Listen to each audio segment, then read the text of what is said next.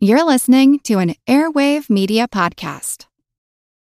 When you need mealtime inspiration, it's worth shopping Kroger, where you'll find over 30,000 mouthwatering choices that excite your inner foodie. And no matter what tasty choice you make, you'll enjoy our everyday low prices, plus extra ways to save, like digital coupons worth over $600 each week. You can also save up to $1 off per gallon at the pump with fuel points. More savings and more inspiring flavors make shopping Kroger worth it every time. Kroger, fresh for everyone. Fuel restrictions apply. As a longtime foreign correspondent, I've worked in lots of places, but nowhere as important to the world as China. I'm Jane Perlez, former Beijing bureau chief for the New York Times.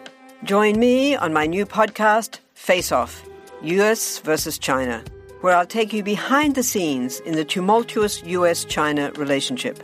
Find Face Off wherever you get your podcasts. This is Kick Ass Politics. I'm Ben Mathis.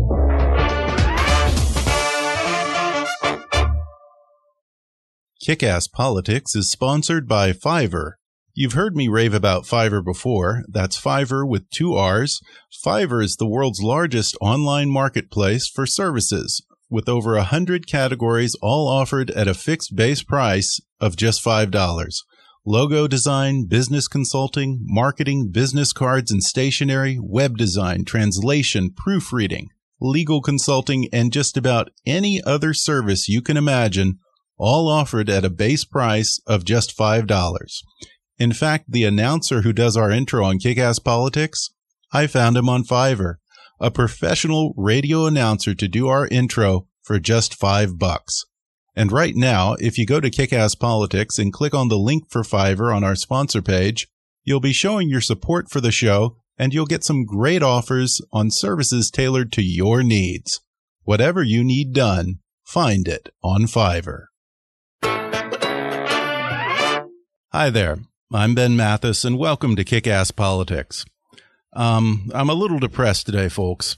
Uh, I was reading the newspaper earlier, and the news is just so bleak. I mean, listen to this.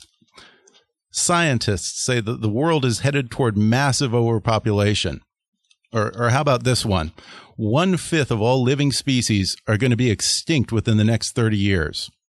We're all going to be underwater thanks to global warming. Cancer rates are skyrocketing from pesticides and GMOs. The very drugs we're taking to keep us healthy are killing us.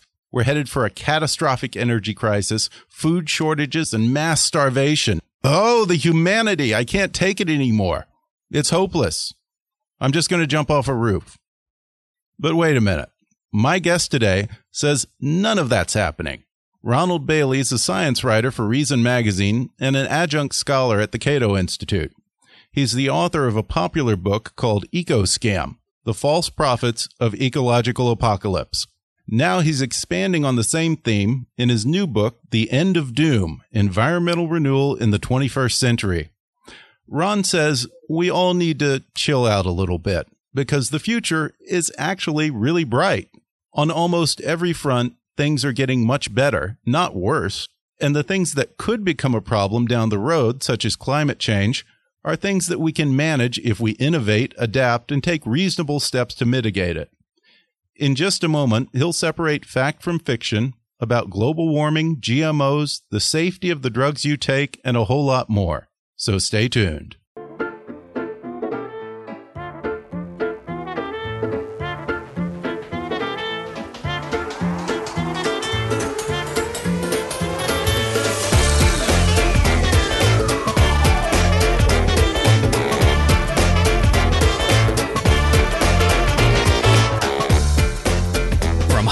To Washington, it's time for Kick Ass Politics. And now here's your host, Ben Mathis. My guest today is Ron Bailey. He's a science correspondent for Reason Magazine, and he has a new book called The End of Doom Environmental Renewal in the 21st Century. Ron, thanks for joining me on the podcast. I'm very happy to be with you. Well, I enjoyed the end of Doom a lot. And key to the story here is your personal journey from a young student in the 60s and 70s who bought into the alarmist rhetoric of books like The Population Bomb and The Silent Spring, to eventually becoming a man who, some 20 years later, had the audacity to go back and hold up these predictions against the actual data and say, wait a minute here, something's not quite adding up. Tell us how that experience shaped your views and led you to this book. Uh, as a student back in the 1970s, I was taught the canonical, if you will, founding books of uh, what is modern ideological environmentalism, Silent Spring, The Population Bomb, and The Limits to Growth. And I believe that the future they were outlining for me was pretty bleak. That uh, I probably wasn't going to have a very long life, and that a lot of I would die in great misery with a lot of other people uh, be, before I reached middle age. Well, in the fullness of time, I was a staff writer at Forbes magazine, and I noticed that we were all still here. In fact, things were getting better. So I had the idea of going back and rereading the books and then going to the authors and asking them what happened. And I fully expected them to say, "Oh, thank goodness we were wrong, and this is why we were wrong," etc. And instead, what I discovered is is that no, that's not what they thought. Uh, instead, they would say, "Well, we just got our timing wrong." For example, Paul Ehrlich, who uh, is a Stanford University biologist to this day, uh, who wrote The Population Bomb, said, Ron, I got my timing wrong. The famines will occur, and hundreds of millions of people are going to die between 2000 and 2010. Uh, that obviously that hasn't happened yet either. Still, I mean, another example is I went to MIT to talk to the folks who were behind the computer program um, that came up with the calculations that were published in the limits to growth, which basically say we're going to be out of oil and natural gas and tin and gold and lead and zinc all by all before the year 2000. And I pointed out that I was uh, doing my reporting at Forbes in the uh, late 80s, early 90s, that we still had plenty of these things. In fact, the prices had been going down. And after expressing some annoyance with me, they did say, well, perhaps we overemphasized the material resources side a bit too much. At which point I said, well, have you called up the New York Times, which put you on the front page back in the 70s and admitted you were wrong? No, they hadn't done that. Uh, but they were thinking other things would go wrong. Well, if we're not running out of stuff, well, the pollution's going to get us, etc. So basically the theory is right and the data must be wrong somehow. It's hard for me to see any difference between these kind of excuses and the excuses that people make up for why Nostradamus's predictions don't come true, or, or any other kind of doomsday apocalypse. I, I, I think that these people make astrology look like an honest science. Are they just thinking that they can wait us out? That that either we're not going to be around or they're not going to be around to remind them when these things don't come true? Well, I intend to be around to remind them, and it really annoys them. Let me tell you. I'll but, bet. Uh, the thing is, they're in such the grip, of, if you will, of a theory that they can't see the facts. And they won't change their minds because whenever they see something, they will come up with an excuse for why that set of facts is, is wrong and why their theory will still, nevertheless, prove to be true. And in, in which case, it's not science anymore.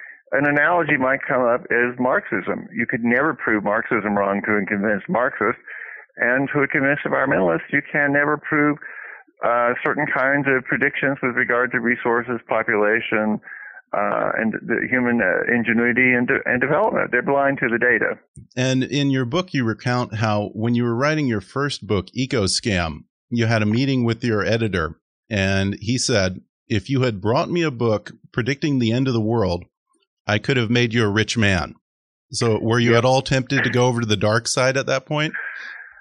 No, I can't can't do that. I'm I'm very tempted to figure out if I can pose some way of of coming up with a book that basically says that the world's coming to an end, but I haven't found a convincing way to do that, or a way at least convince myself of that. And it's not optimism; it's just the data are against that. And I guess optimism doesn't sell. No, optimism certainly doesn't sell. You're only a serious person if you're selling doom, uh, and that's just a feature of human psychology. Well, going back to Paul Ehrlich and the population bomb, one of the things that I find disturbing about this alarmist rhetoric um, is that it just seems to throw gasoline on the fire of conspiracy theorists and tinfoil hat nuts and their paranoia, you know, particularly with the issue of population, that the Bilderberg or the Council on Foreign Relations must be uh, secretly plotting to socially engineer population control, which in their mind, of course, always goes to the worst case scenario, which means killing people off rather than just controlling birth rates. Is there something sinister to their intentions when population alarmists seem to be essentially rooting for more death? And what would you say to the Paul Ehrlichs out there about the danger of fueling irrational thinking on this particular issue? I don't think that they're conspiracy theorists, but you do point to the danger of listening too closely to what they say. Uh, consider, for example, the Chinese Communist Party's one-child policy. The one-child policy was enforced uh, brutally across time. Uh, women who were pregnant without permission, for example, were forced to have abortions, that kind of thing. And they were following, if you will, the logic of the people who were pushing the notion of overpopulation. One other aspect, though, it's not a conspiracy. One of the things that that a lot of these people seem to be hoping for. For example, Naomi Klein, the Canadian activist, um, has written a new book uh, called This Changes Everything Capitalism versus the Climate. What she's trying to do is uh, argue that the environmental situation is so terrible we have to destroy capitalism and enact all the sorts of policies that I would really like to have, largely, if you will, a kind of socialist utopia. Well, going back to population, you've said that the global population will top out around 2050 and then should start to gradually decline. Uh, what will be the driving forces behind that reversal? Well, what has happened over the last 50 years or so is, is that there's something called the total fertility rate, and that is uh, the average number uh, of children a woman will have over the course of her lifetime.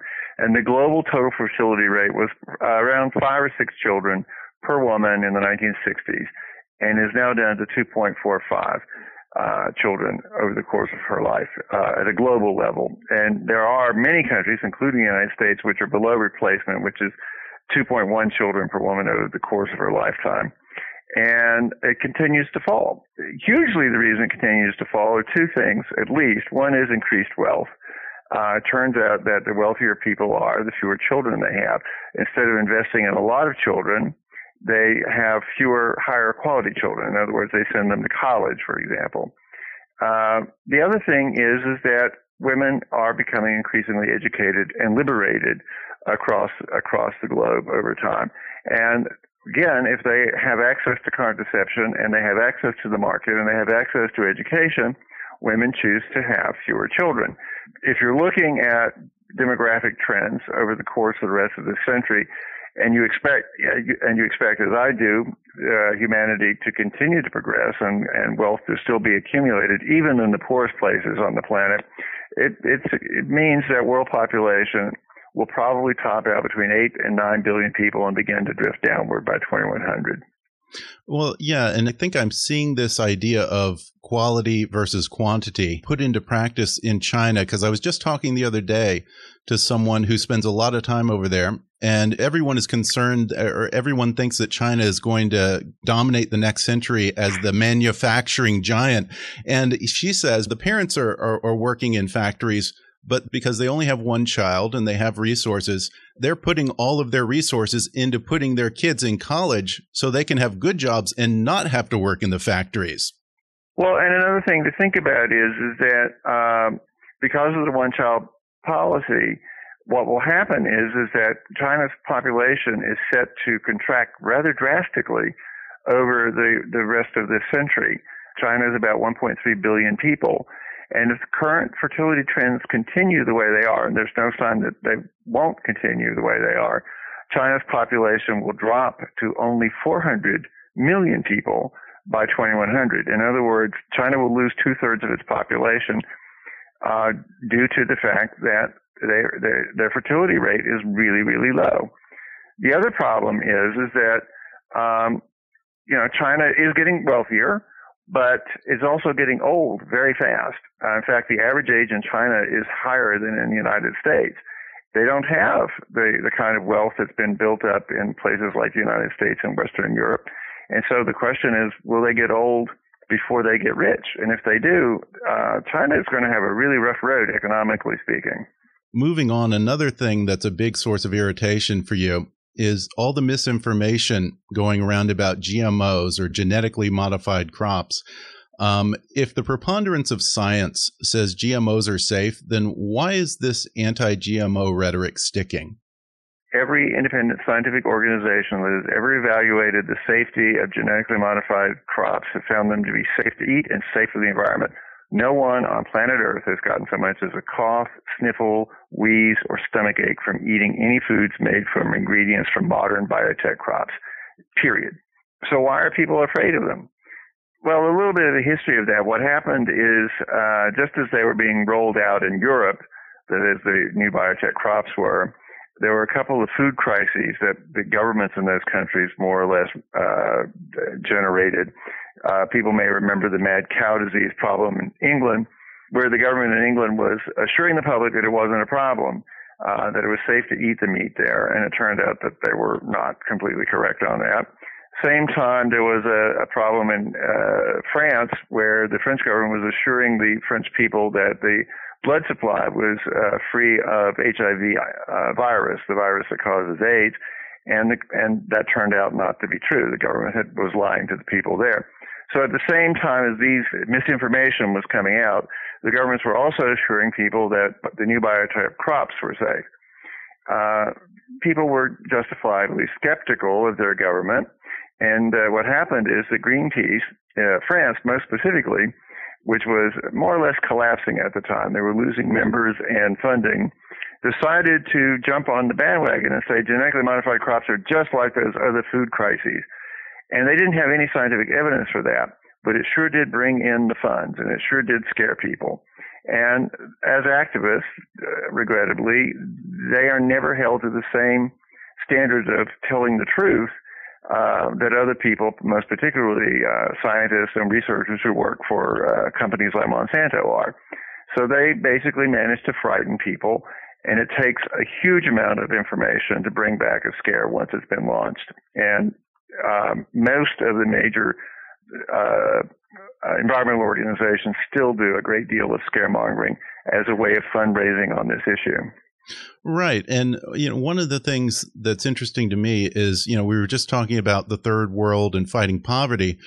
One of the best defenses against fighting poverty and, and fighting global hunger is GMOs.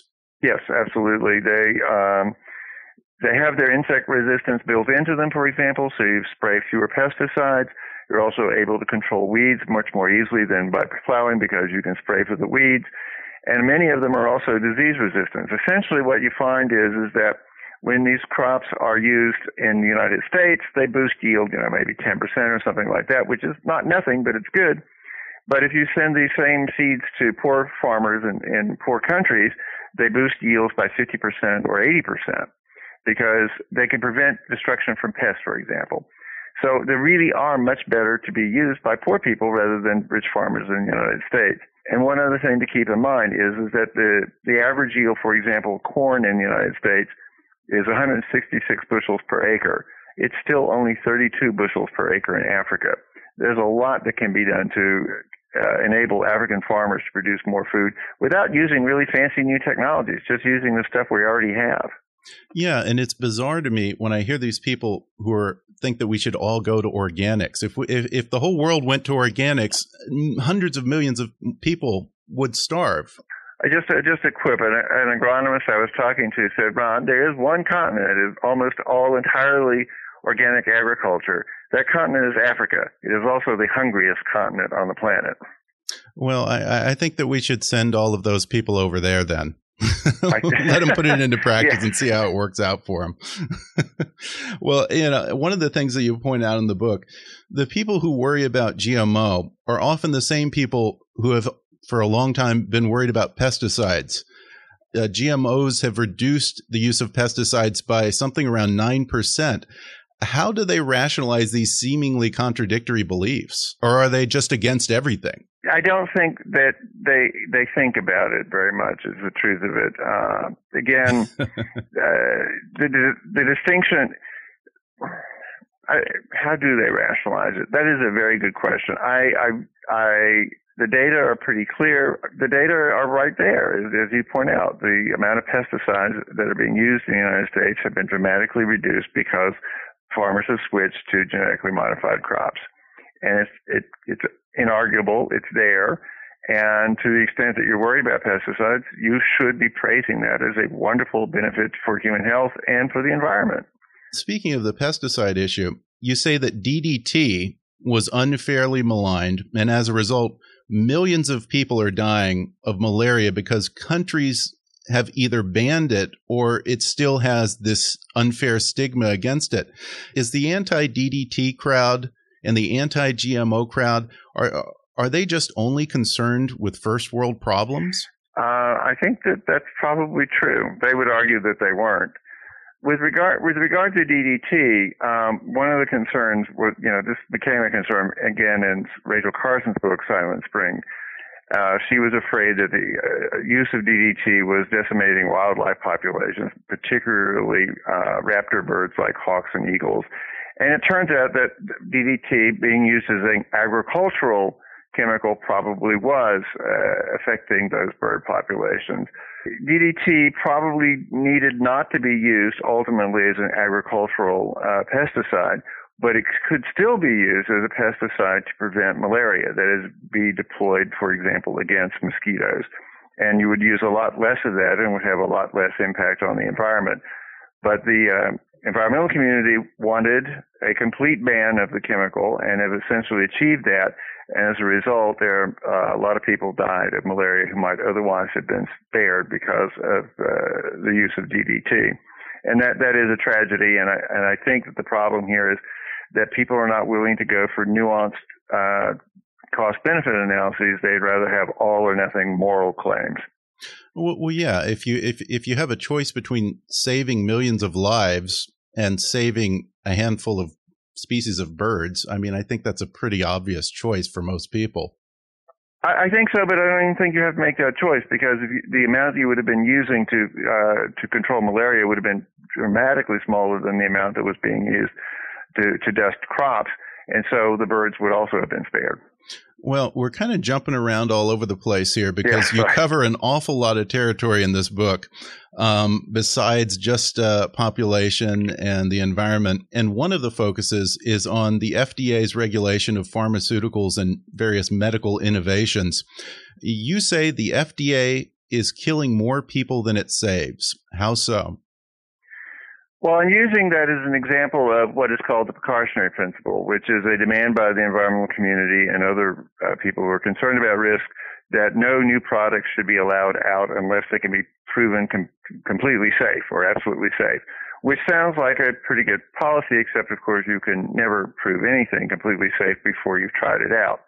They want trials without errors, in other words what has happened is the FDA uh, has killed more people because they're delaying what will turn out to be really good drugs because of their fears of, uh, of, of possible dangers. And so you end up, and there's a pretty good data on this, in many cases, killing more, 10 times more people by delaying drugs than by um, approving drugs that turn out to have bad side effects.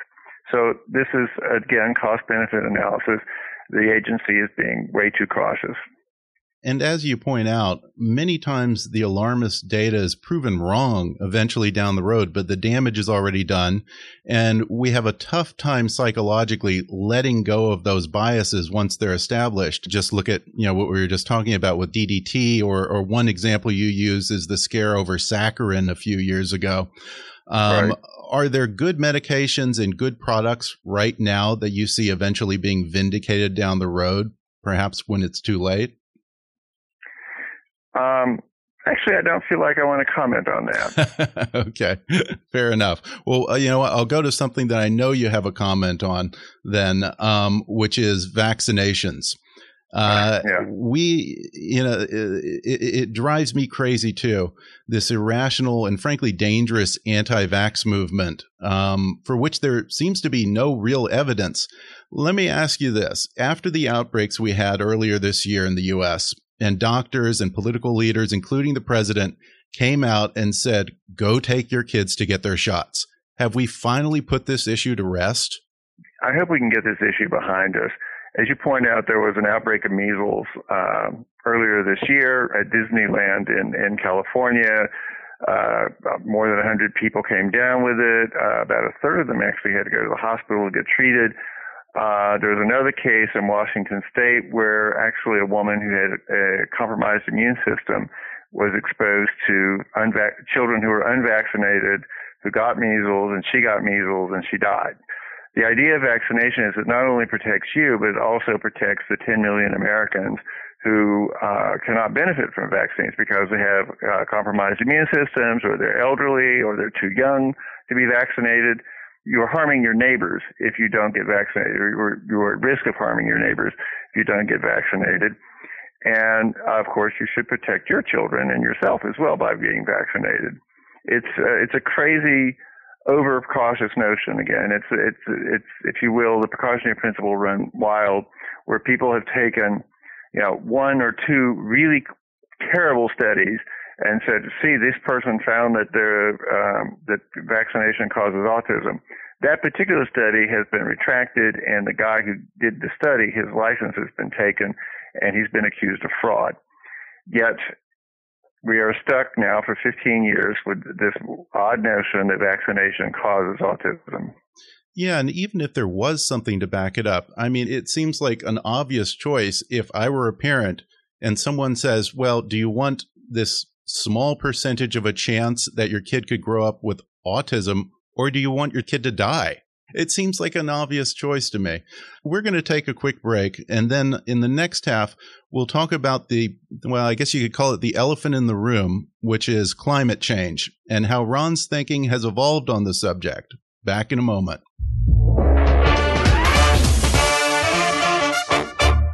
This portion of the podcast is brought to you by Audible.com. Audible has over 180,000 audiobooks available to download for your iPhone, Android, Kindle, or MP3 player. And right now, Kickass Politics listeners can get a free audiobook download and a free 30-day trial. Just go to audibletrial.com backslash kickasspolitics or click on the sponsor link on our webpage at kickasspolitics.com and go get your free audiobook. And if you like Kickass Politics and want to help keep us on the air, then please support the show by making a donation to our GoFundMe campaign at gofundme.com backslash kickasspolitics. Or go to the show website and click on the donate link. Your support will help keep us producing new and even more interesting programs in the future. That's gofundme.com backslash kickasspolitics. And now, back to the show. We're back, and I'm talking with Ron Bailey, author of The End of Doom. Ron, you're a relatively recent convert to the global warming camp. You say around 2005 you began to change your thinking and, and accept that science does point to some degree of global warming. How did you come to that conclusion? Uh, the data what happened is is that uh, in my first book, EcoScam, which appeared in the early 1990s, I, I had covered global warming, which was a fairly new topic at the time. And even the National Academy of Sciences agreed with me that there wasn't really good data to suggest it was a problem at that point. It needed to be studied, but it wasn't necessarily going to be to be a problem. So I chalked it up to being yet another one of the many environmental scares that I had encountered in my reporting for that first book. Uh, I kept reporting on it. I've been to uh, 10 United Nations climate change meetings at this point. I've talked to literally scores and scores of scientists. I read fairly broadly in the scientific literature, and it's a huge amount of data and uh, analyses that are coming out. And around 2005, I concluded that, yeah, I was wrong. Uh, climate change, the preponderance of the scientific evidence indicates that climate change man-made climate change could become a significant problem for humanity by the end of the century. So I publicly changed my mind and said, "This is the best I can do. This is my analysis." And I laid out my analysis and why I changed my mind. And it didn't please a lot of people. I can imagine. well, let me ask you this then. I'm sure many of those same people have pointed this out to you. Um, the warming trend seems to have flattened over the past 15 or so years. Does that mean that we have won the battle? Is it possible that some of the measures that we have taken already are actually paying off? What explains that flattening of the climate temperatures? Well, that is the uh, trillion dollar question. Uh, you are right. What has happened over the last 15 to 18 years, depending on where you start your your, your analysis, uh, the average temperature of the globe has been basically flat for that period of time. Bear in mind that uh, the last decade was the warmest decade in what they call the instrumental record. So it's been flat, but it's been hot uh, relative to earlier periods of time. But this flattening is a big problem. The uh, climate models uh, that the environmental community and uh, and various regulators are relying on uh, suggest that the temperature should have been continuing to go up by at a rate of 0.2 to 0.3 degrees uh, uh, centigrade per decade, which means that we should be considerably warmer than we are, and that didn't happen. So I, the models appear to be running way too hot. And if that is the case, that might suggest that the models are wrong and that uh, what we're doing to the climate by adding more carbon dioxide and other greenhouse gases to the atmosphere is probably more benign than the model suggests, which would give us more time to adapt to or uh, mitigate the problem in the future. You ask if, if anything, if we've done anything to, to perhaps cause this flattening. The truth is, no, we haven't. Uh, the amount of carbon dioxide and other greenhouse gases going into the atmosphere continues to go up. There was uh, one dip in the amount of carbon dioxide last year. That is, it was basically flat, but the trend is still up. And the theory is, and uh, the model suggests that the more carbon dioxide you add, you add, the warmer it's going to get. And in your book, you say the only way to really figure out what has been going on over the past 15 years is if we wait and see, which could take a couple of decades. And I'm guessing right. that a lot of your peers in the global warming crowd probably aren't crazy about that idea. No, they, they, they, on two sides of it is uh, there are certainly a lot of people who would be happy to wait and see because it means that we wouldn't have to spend a lot of money on trying to decarbonize the economy, which is basically switch from fossil fuels to uh, other types of fuels, nuclear, uh, renew, uh, renewable energy, that kind of thing. Uh, but on the other hand, if the alarm goes away, the pressure to do that would go away, and this would, uh, how shall we say, displease a lot of the environmental alarmists out there. Yeah. Well, you you on the other hand, you're not an alarmist. You say that we don't have to panic necessarily. There's a sensible approach to climate change that should be one of mitigation and adaptation. What exactly would that entail? Well, mitigation means uh, switching fuels essentially from fossil fuels like coal and oil and natural gas to um, non-fossil fuels. Uh, my my preferred probably would be nuclear, but also a mix of nuclear uh, and various renewable fuels like uh, solar and wind would would be helpful. Uh, and that would, that's called mitigation. And the good news is, is that in fact, uh, with regard to some of the renewable fuels, solar in particular, the prices are coming down quite steeply, which means adopting them in uh, the next 10, 20, 30 years will become ever cheaper. And that, that is definitely good news. And they probably will be cheaper than fossil fuels in the next generation or so. Uh, adaptation means the kind of stuff we do anyway we we have to adapt to any changes that happen uh, to the weather. If things do get warmer, for example, we will use more more air conditioning. If sea level continues to rise, we will uh, build more dikes, if you will, and move further inland. There are human beings always adapt to weather. We, if it also becomes uh, warmer, what will happen is that uh, farmers will switch crops. They will start growing different crops for different regions, for different rainfall amounts, that kind of thing. It's a fairly gradual process that, if you will, markets will essentially nudge people toward doing. Well, yeah. I mean, we're not cavemen just sitting around waiting for a comet to hit the Earth. I mean, no. we can. Uh, this is something we have some control over, and we have the technology to do something about it. You argue that the best defense we have against pollution and global warming is economic growth. Is it just that more prosperous people are kinder to the environment? Right. Well, this what happens is that economies and societies undergo uh, if you will, something called the environmental transition, sometimes called the environmental Kuznets curve. What happens is, is that when uh, people are very, very poor in a very poor country, and they start to develop economically, they don't really care uh, so much about the cleanliness of the air or the cleanliness of the water around them. They're much more interested in making sure that they, they have good jobs, that their children get good education, they better housing, that kind of thing. But eventually, what has ha- what happens, and we see this in countries all around the world, is is that as people get richer, they start looking after their environment. They start going, I don't want to breathe dirty air, I don't want to drink dirty water, and they start making improvements to environmental quality over time. We and the United States did that. Um, uh, as many people probably remember from the 1950s and 60s, the air and the water in the United States were a lot dirtier uh, than they are today basically, I sum it all up. Richer is cleaner. And anything that slows down the process of, of, uh, of economic growth will eventually, will also slow down the process of eventual environmental cleanup. Well, also on the environmental front, um, you've said that we need to get over the idea of pristine nature and start to embrace innovative ecosystems. I think back to uh, Jurassic Park when he says nature will find a way. Is it a case where we're just not giving nature enough credit here? I believe that is absolutely the case, and I think that most ecologists would agree with me. Not environmental scientists, but ecologists. uh, the natural world is not fragile for the most part. It is incredibly robust. As you say, the Jurassic Park line is correct.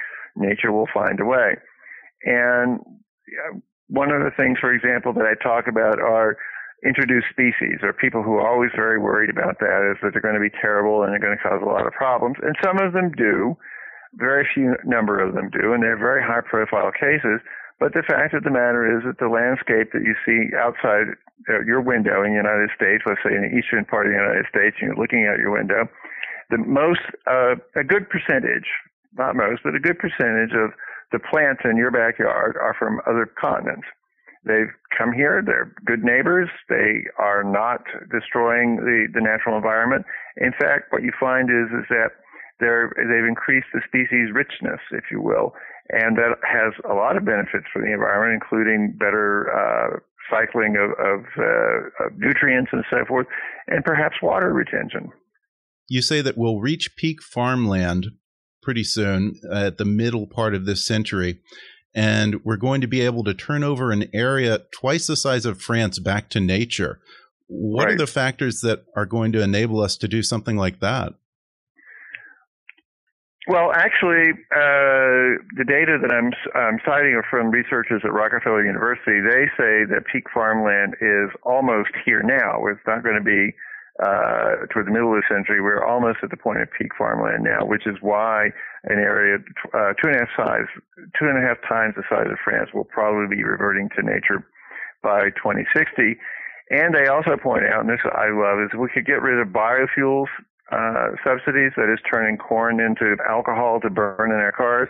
Uh, they say that we could have as much as uh, as much land reverting to nature as double the size of the United States east of the Mississippi River by the by 2060. And the reason that's happening is that farmers are becoming vastly more productive over time. And we're growing more and more food on less and less land over time, and that trend is continuing. Uh, farmers are abandoning the fields. Many of them are moving to the cities where there are far more opportunities for, for work, education, and opportunities for their children as well.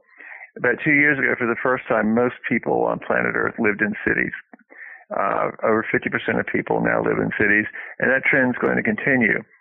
And I've done a calculation in the book that basically says that the 3.6 billion people who are essentially very poor farmers, many of them who live out on the landscape, are going to be moving into cities, and that by the end of the century, uh, only 1.6 billion people will be living on the land which means that a hell of a lot more land is going to be going back to nature over that period of time.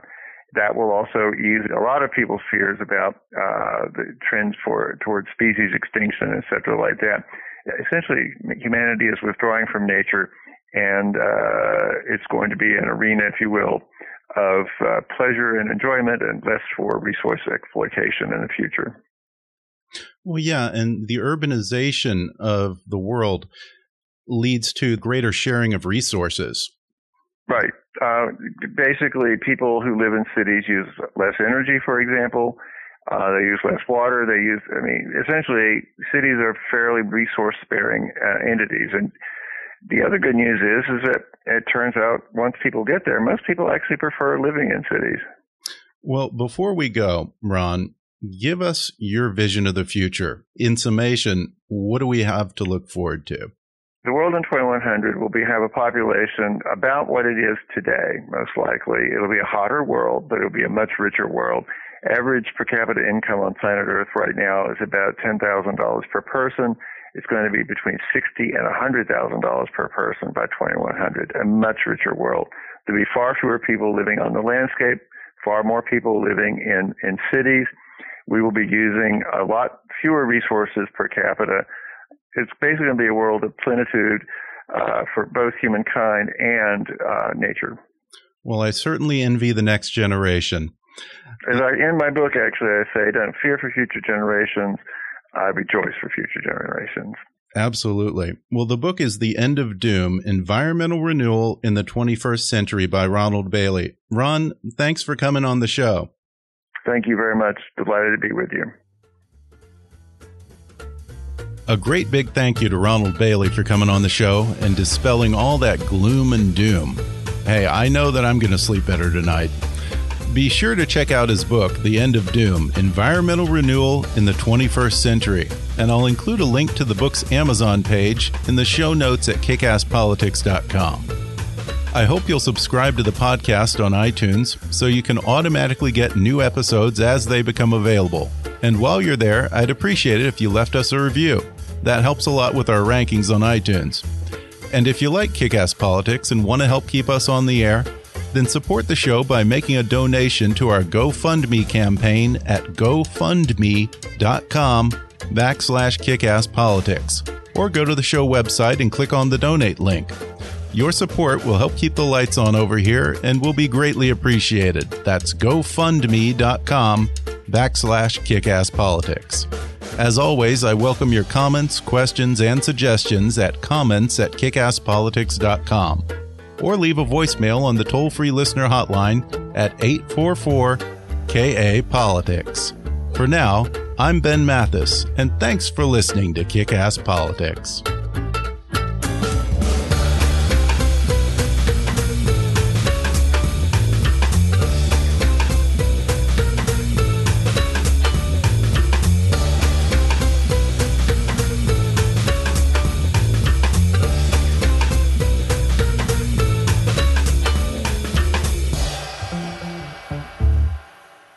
This podcast may not be reproduced without express written permission. Kick Ass Politics is a trademark of Mathis Entertainment, Inc.